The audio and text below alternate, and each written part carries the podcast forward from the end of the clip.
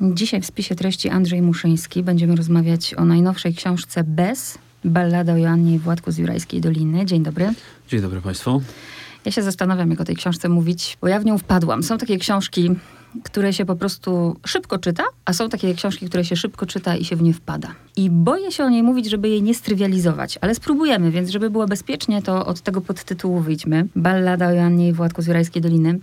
Jest tu wszystko, co w klasycznej balladzie jest. Mamy synkretyzm gatunkowy, rodzajowy, jest yy, nastrojowość, jest tajemnica. Czy od początku, jak pan zaczął pisać, to wiedział pan, że będzie to w formie właśnie ballady, takiej zabawy? Czy tak wyszło? Nie, nie miałem zupełnie pojęcia, jak to będzie wyglądać. Tym bardziej, że to jest chyba trzecia wersja tej, tej książki. Ja dosyć długo, jak na mnie nad nią pracowałem, to znaczy ponad półtora roku, prawie dwa lata.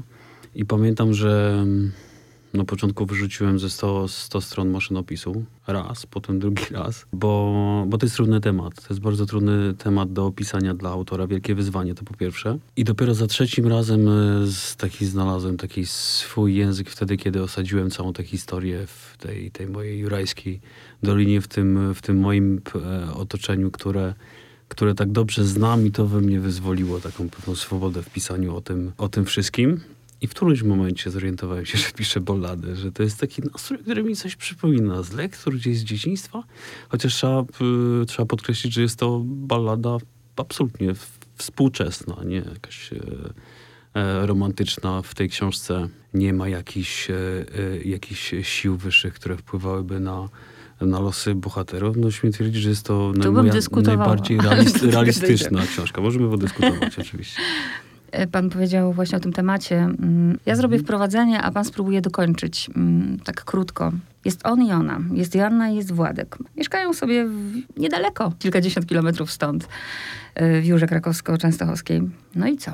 No i co? No i spotkało ich e, pewne nieszczęście. No, według moich obliczeń mają 40, 40 kilka, kilka lat pod pięćdziesiątkę. To jest też tak, że kiedy ja piszę książkę, to, to widzę bardzo wyraźnie e, bohaterów, widzę wyraźnie sceny, które opisuję pejzaż, przyrodę, która jest też dla mnie niezwykle, niezwykle istotna, ale nigdy y, nie rysuję sobie jakichś wykresów na kartce, że zaczynamy historię w 93, y, ta osoba mm -hmm. ma 47 mhm. lat, to niektórym autorom po prostu jakby ułatwia snucie tej, tej opowieści. To jest dla mnie zawsze najmniej ważne. Jakby fabuła zawsze była dla, dla mnie bardzo mało, mało istotna. Ona była dla mnie tylko nośnikiem jakiejś treści raz mniej, raz bardziej rozbudowana, ale nie była taka, y, taka istotna, więc więc widziałem tych bohaterów, którzy mają dziś e, prawie pięćdziesiątkę, no i e, spotkało ich takie nieszczęście, że nie mogą mieć dzieci. W sensie nie mogli mieć dzieci. Wiąże się to z, z wieloma wydarzeniami, które na, na kartach tej książki są, są opisane. No i tu zaczyna się kłopot. Tu właśnie zaczyna się ten kłopot, o którym mówiłem na początku, dlatego że stan takiej niechcianej bezdzietności, bezpłodności to jest stan, w którym niewiele się dzieje. Jeżeli ludzie mają po 50 lat i mieszkają w takim domu jak e, moi bohaterowie na wsi. Ona pracuje w organizacji pozarządowej w Krakowie. On jest e, od wielu lat listonoszem z własnego wyboru. To nie dzieje się tam wiele mm, fizycznie i całość tej historii sprowadza się do pamięci, do tego, co się wydarzyło wcześniej, e, do tęsknot, do traum i generalnie do pewnego stanu umysłu. Więc e, jeżeli chcielibyśmy tę książkę, e, tę historię opisywać poprzez e, pewne wydarzenia, a zwykle na tym polega mm -hmm. powieść, prawda? To by się sprowadziła tak naprawdę do kilkunastu stron, można by to opisać w jakimś, w jakimś reportażu. Natomiast tutaj wchodzimy głęboko w, w głowę, w stan psychiki tych, tych bohaterów i wyjścia nie było. To znaczy albo opisujemy historię o bezpłatności poprzez stan psychiki tych ludzi i doznania, albo nie robimy tego w ogóle i sobie dajemy spokój. Dlatego ja się tak bałam o tej książce rozmawiać, żeby słowem, zdaniem, pytaniem po prostu nie zepsuć tego, co w tej książce jest. Czym jest bezdzietność? Mówimy o, o tych ludziach w mojej opowieści. Tak. Kiedy to wszystko zaczyna się dziać, to znaczy kiedy on zaczyna rozumieć, że, że tego spotyka, i zdaje sobie sprawę e, z ciężaru tego doświadczenia, o czym nie miał pojęcia wcześniej, bo tak to zwykle bywa w tych historiach, że ludzie, którzy tego nie doświadczają, po prostu żyją radośnie, mają swoje jakieś inne problemy i kiedy w to wpadają, to, e, to zaczyna się zupełnie nowy rozdział w życiu, to się zaczyna zupełnie nowe życie.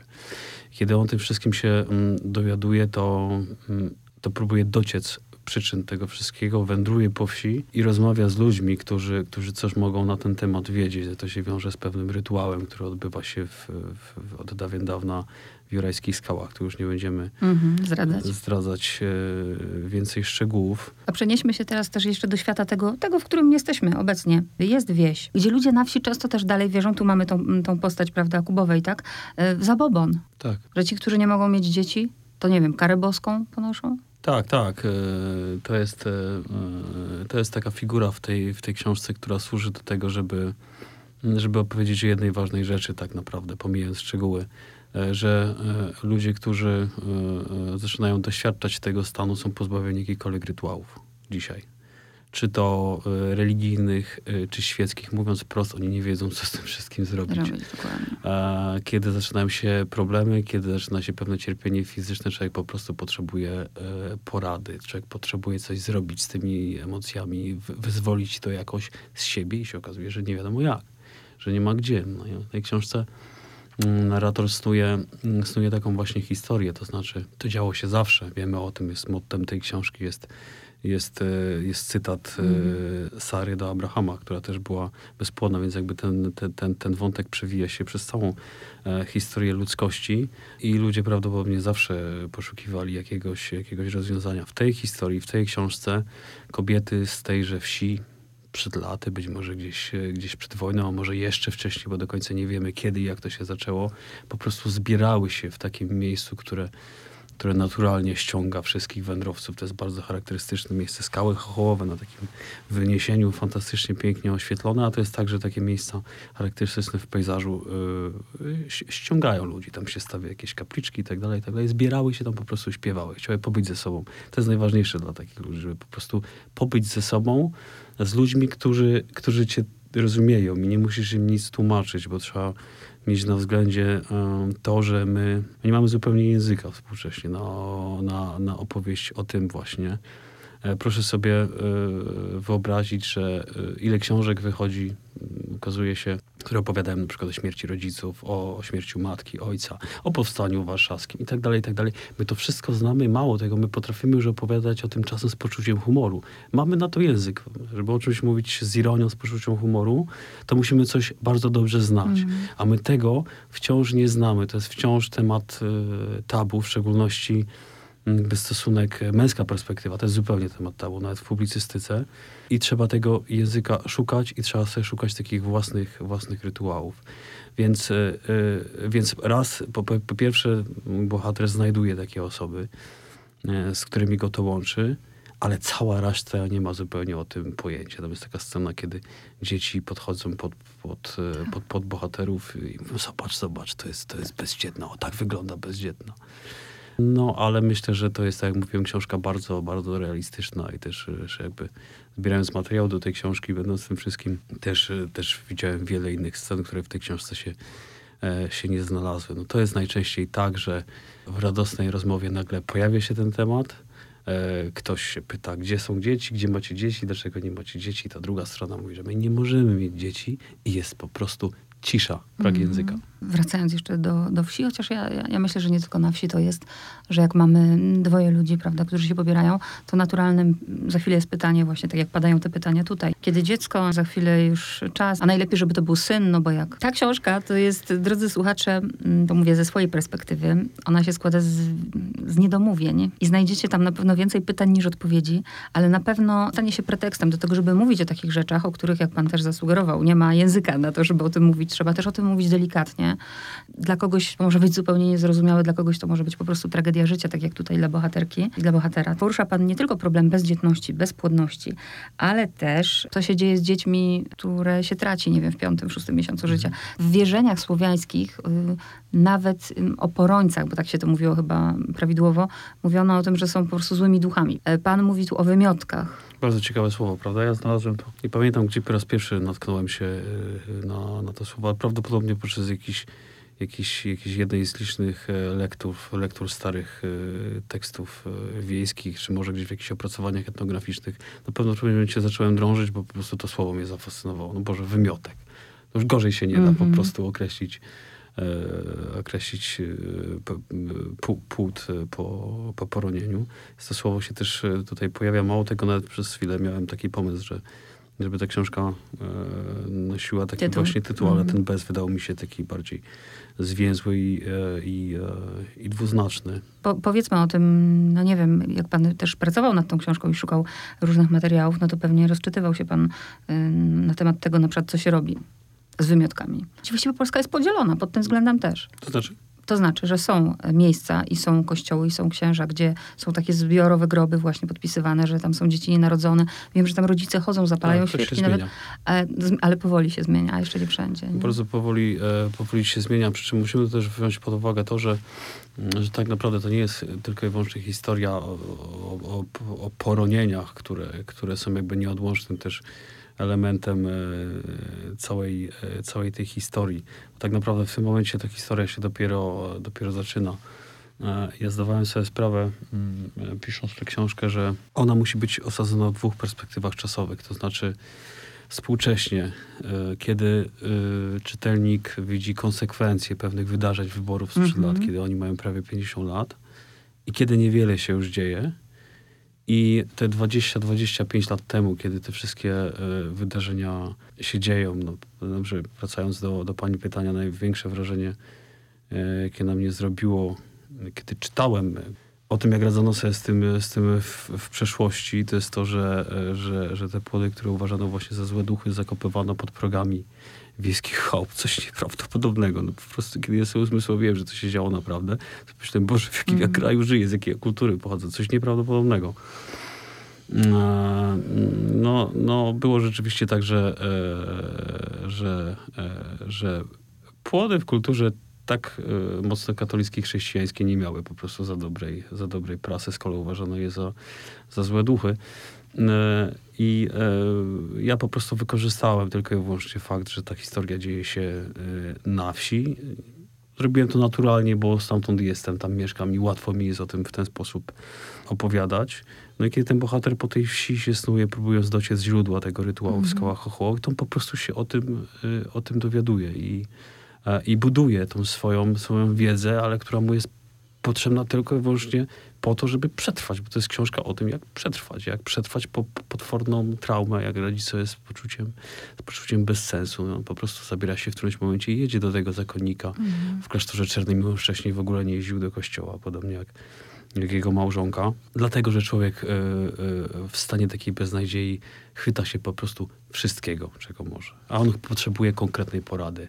On nie chce pójść na stołek do psychoterapeuty z tego względu, że psychoterapeuta nie udzieli mu porady, Władku, zrób to i to. Ty powinieneś teraz zrobić to i to. Nie, no, wszyscy wiemy, że praca psychologów, psycho, psycho, psychoterapeutów bardzo cenna, polega zupełnie na czym innym. A jest już w takim stanie, że potrzebuje czegoś więcej. Mm. Dlatego ja też powiedziałam wcześniej, że mm, poczułam się, jakbym się znalazła w tych taplarach, wracając jeszcze do tej wcześniejszej wypowiedzi, w jakim ja kraju żyję, bo w pewnym momencie właśnie jest akumulacja tych, tych y, tego, że właściwie żyjemy w katolickim kraju, a tak naprawdę ten zabobon jest, świetnie funkcjonuje nawet dzisiaj. Znaczy w tej chwili wydaje mi się, że ten zabobon już, y, y, już jest martwy, natomiast martwy jest też y, jeszcze być może język, który powinien nam służyć do tego, żeby sobie z tym radzić. Więc o ile wcześniej był zabobon, to Mhm. teraz nie ma już zupełnie nic. Mhm. I e, no ja myślę, że naprawdę jeszcze przed nami długa droga. Pewnie każdy, każdy autor marzy sobie o tym, żeby książka w jakiś sposób otwarła pewną ścieżkę, żeby, żeby zaczęła stwarzać jakiś język, który, który, e, który będzie, mm, będzie w tym pomocny. E, Ale myślę, że jeszcze długa droga przed nami, w szczególności przed mężczyznami, żeby odkryć sobie jakiś, jakiś sposób na, na mówienie. Jest nie- nieprawdopodobne, jak ludzie e, którzy, mm, którzy doświadczają, doświadczają tego problemu, zaczynają po prostu milczeć. I też w bardzo delikatny sposób e, jakby zahacza pan o kolejny ważny temat, na który chyba też nie jesteśmy przygotowani. Ogólnym się o tym mówi, o in vitro, prawda, w tej części Mhm. dramatycznej. I to, I to mocne słowo, prawda, e, z gluta powstaje człowiek. Na końcu tak pojawia się faktycznie taka, taka wypowiedź e, nagrana niegdyś przez, przez bohaterkę, przez Joannę, która ma tę pasję, że kocha stare, stare odbiorniki i kocha nagrywać, nagrywać ludzi. A to trzeba pozostawić czytelnikowi Mhm. interpret, interpretację tego, tego wszystkiego. Natomiast faktycznie pojawia się w tej książce opis, e, opis bohatera, który jest opisem jakiegoś, jakiegoś obłędu, obsesji związanej z udziałem, e, z udziałem, z koniecznością udziału w tej w tej procedurze. Ja sobie pomyślałem, mm, pisząc, ja osobiście ten, ten, ten rozdział yy, podoba mi się najbardziej w tej, w tej książce, może jest dla mnie nawet najważniejszy. I pomyślałem sobie tak, że albo spróbuję opisać ten, e, ten, e, ten stan tego, tego błędu, tego punktu krytycznego, w którym znajduje się bohater w tamtym, e, w tamtym momencie, albo to po prostu nie ma sensu. To będzie po prostu opis jakiejś sekwencji, czynności medycznych i tak dalej, coś, co można, o czym można sobie gdzieś tam przeczytać w, w gazetach, w publicystyce, w internecie. No i w końcu przyszedł taki moment któregoś wieczoru, że, mm, że jakoś y, znalazłem, znalazłem sobie przestrzeń na, na opis, e, na opis tego i pamiętam, że to trwało z 15 minut. To jest, to jest, to jest e, rozdział, który tam jeszcze jest 15-20 stron i pisałem to mm. dosłownie z 15-20 minut, po prostu takim jednym e, na jednym, na jednym oddechu w zasadzie. A to też, było, to też było trudne, bo też nie ma tutaj specjalnie wiele wzorców, to znaczy ja nie znalazłem w zasadzie żadnego, żadnego tropu w literaturze i teraz mniej więcej właśnie o to pytam, e, bo nie ma tropów w literaturze. Nie chcę też absolutnie wchodzić w życie osobiste, zresztą pan zaznacza to wyraźnie. Mm, ale skąd pomysł Zawsze na to, żeby się tym zająć? Tym tematem nie, to, jest, to jest e, często tak, że, e, że tematy wybierają autorów, a nie na odwrót. ja w którymś, w którymś momencie z, po prostu znalazłem się w tej, w, tej, w, tej, w tej rzeczywistości. Nie jestem, nie jestem e, autorem, który zapuszcza się na terytoria egzotyczne dla siebie. Znaczy mam na myśli na światy, których, których jakby zupełnie, zupełnie nie zna, które, którego w jakiś sposób nie zafascynowały. Znaczy mnie zafascynowało w tej, e, tej historii to, e, że że nagle ludzie y, znajdują się y, w sytuacji y, niezwykle trudnej metafizycznie. To znaczy, że nagle te wybory moralne, o których my czytamy w książkach, wydają nam się w ogóle jakieś, jakieś nie, niedostępne i nas niedotyczące, stają się częścią naszego życia. No to jest po prostu dramat. Najzwyczajniej w świecie dramat, który doświadcza wielu współcześnie ludzi, tam dzisiaj się mówi nawet słowo epidemia, jest tam kilka milionów ludzi w Polsce, tylko w Polsce, które zmagają się y, z tym problemem i po prostu byłem w tym, zacząłem o tym obsesyjnie myśleć. Ja żyję i pracuję obsesyjnie, znaczy poświęcam się kilka miesięcy, lat jakiemuś tematowi całkowicie i to po prostu nie puszcza. Czy ja miałem ochotę pisać tę książkę? Nie, dlatego że y, trudno czerpać radość z pisania takiej opowieści, takiej książki. No dobrze jest, jak autor też ma jakąś przyjemność, po prostu frajdę z pisania, bo to jest taka też czysta energia, która się potem udziela czytelnikowi. Tutaj trudno taką energię pozytywną wyzwolić ale y, to nie chciał puścić. To znaczy była prosta, y, krótka piłka. Albo y, o tym napiszesz, albo po prostu nie napiszesz następnej książki. Nie byłem w stanie się skupić nad czymś, czymś innym, myśleć o czymś, czymś kolejnym. I w końcu postanowiłem podejść do tego spokojnie. Po prostu kiedy miałem jakiś kryzys, to odkładałem to na miesiąc, dwa, wracałem ten świat w jakiś sposób dalej ewolu ewoluował, szukałem języka cały czas na to, żeby, żeby to oddać trafnie i z wyczuciem. Rozmawialiśmy, drodzy słuchacze, jeszcze przed wejściem do studia, mm, ale wrócę do tego. Po co pan pisze taką książkę? Bo to jest literatura, tak, dla smakosza, wspaniała uczta dla większości mm, trudna. trudna, bardzo trudna. Mm, nazwałabym to literaturą niszową, jak najbardziej. E, no i muszę się to właśnie posłużyć tym cytatem i tym fragmentem, kiedy ludzie nie lubią czegoś, czego nie rozumieją. Ludzie nie lubią, jeżeli coś jest wielokrotnie złożone. Pana książka jest wielokrotnie złożona. Ona jest na pewno też skompresowana. Być może jakaś trudność też wynika, wynika stąd, że ja nie jestem e, urodzonym powieściopisarzem. To znaczy ja w ogóle nie jestem powieściopisarzem prawdopodobnie mm, ktoś, komu przychodzi to naturalnie, rozpisałby tę książkę być może na 500 stron albo 600, bo tam jest bardzo gęsto od tych wszystkich... No i uczynił być może bardzo realistyczną, a tu jest tajemnica. Y, o tych, y, o tych wszystkich rzeczach. Natomiast, y, natomiast ja po pierwsze nie potrafię, po drugie nie chcę. Dla mnie ważne jest wyciąć kawałek rzeczywistości i wysać, wysać z niej wszystko, wszystko co można. A pan mm. pisze dla siebie? Szczerze mówiąc, to chyba tak. To znaczy, ja, tak jak mówiłem, ja traktuję literaturę sztukę bardzo, bardzo poważnie i jest to jakaś przestrzeń dla mnie zupełnej, zupełnej wolności i e, to jest kartka, długopis, swoje własne myśli i taka, taka czysta przyjemność e, z, z, twórczości. Mi się strasznie podoba patrzeć na te rysunki, w, e, malunki w, w jaskiniach sprzed kilku, kilkunastu tysięcy lat, bo wydaje mi się, że oni właśnie tak tworzyli z czystej potrzeby ekspresji po prostu. I E, ja sobie przypominam dopiero o tym, że jeszcze kiedy książka wychodzi, widzę ją w, w druku i sobie myślę, Boże, przecież to ktoś za chwilę będzie czytał, czy w ogóle czy jest w stanie cokolwiek e, zrozumieć, czy, czy będzie jakakolwiek nić, e, nić komunikacji. No ale ja nie, nie lubię nachodzić na takie kompromisy, dlatego że takie kompromisy, kalkulacje powodują, że, że te moje teksty automatycznie by się spłycały, nie byłbym sobą i nie chcę tego robić. A ma dla pana znaczenie to, że ta książka być może stanie się właśnie, bo dzisiaj jest premiera, akurat się spotykamy, mm. stanie się no, ważną książką po to, żeby dyskutować o bezdzietności. A to jest taki kontekst pozaliteracki, na którym na pewno, e, na który na pewno z, mi też e, uwagę w wydawnictwie. W sensie stwierdzono, że to jest e, absolutnie plus. Książka zaczyna żyć swoim życiem i no pewnie, żebym się cieszył, gdyby ludzie zaczęli o tym mówić. No przecież to, to byłbym ignorantem, gdyby, gdyby, gdybym powiedział co innego. Natomiast ja nie miałem absolutnie pokusy, żeby uprawiać publicystykę, żeby wyrażać opinie, czy nie daj Bóg moralizować. No, dla autora, dla pisarza e, moralizowanie i wyrażanie opinii to jest po prostu katastrofa. W ogóle nie miałem absolutnie takiej pokusy, a zdaję sobie pani sprawę, że w takiej opowieści mogła być taka pokusa, mm -hmm. prawda? No bo to jest taki temat, o którym się mówi w kontekście wyborów moralnych, etycznych i tak dalej. Nie wiem, mnie to zupełnie, e, zupełnie nie interesowało. Mnie, e, tak jak mówiłem, najbardziej mm, interesowało mnie to, jak y, pewne wybory moralne, moralne czy, e, czy po prostu pytania egzystencjalne, bo kiedy człowiek staje, staje w takiej sytuacji, to się zaczyna zastanawiać, zadaje sobie naprawdę najprostsze pytanie. Co ja tu robię? Dlaczego mnie spotkało? I na końcu, czym jest cholera życie? Prawda? To są takie pytania, które my sobie zadajemy czasem, gdzie tam się, kładziemy się do snu i o tym myślimy.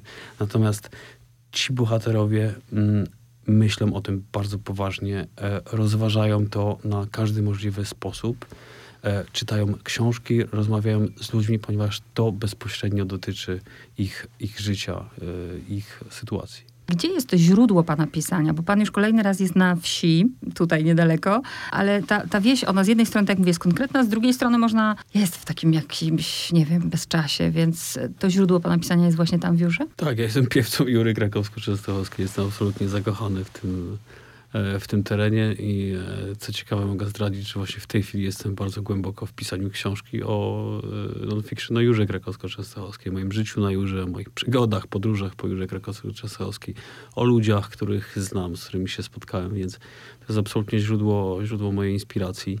E, no tak, najpierw była to dolina, tak jak w historii ludzkości. Najpierw była geografia, ten pejzaż i potem pojawili się w tym pejzażu moi, moi bohaterowie bardzo, e, bardzo naturalnie.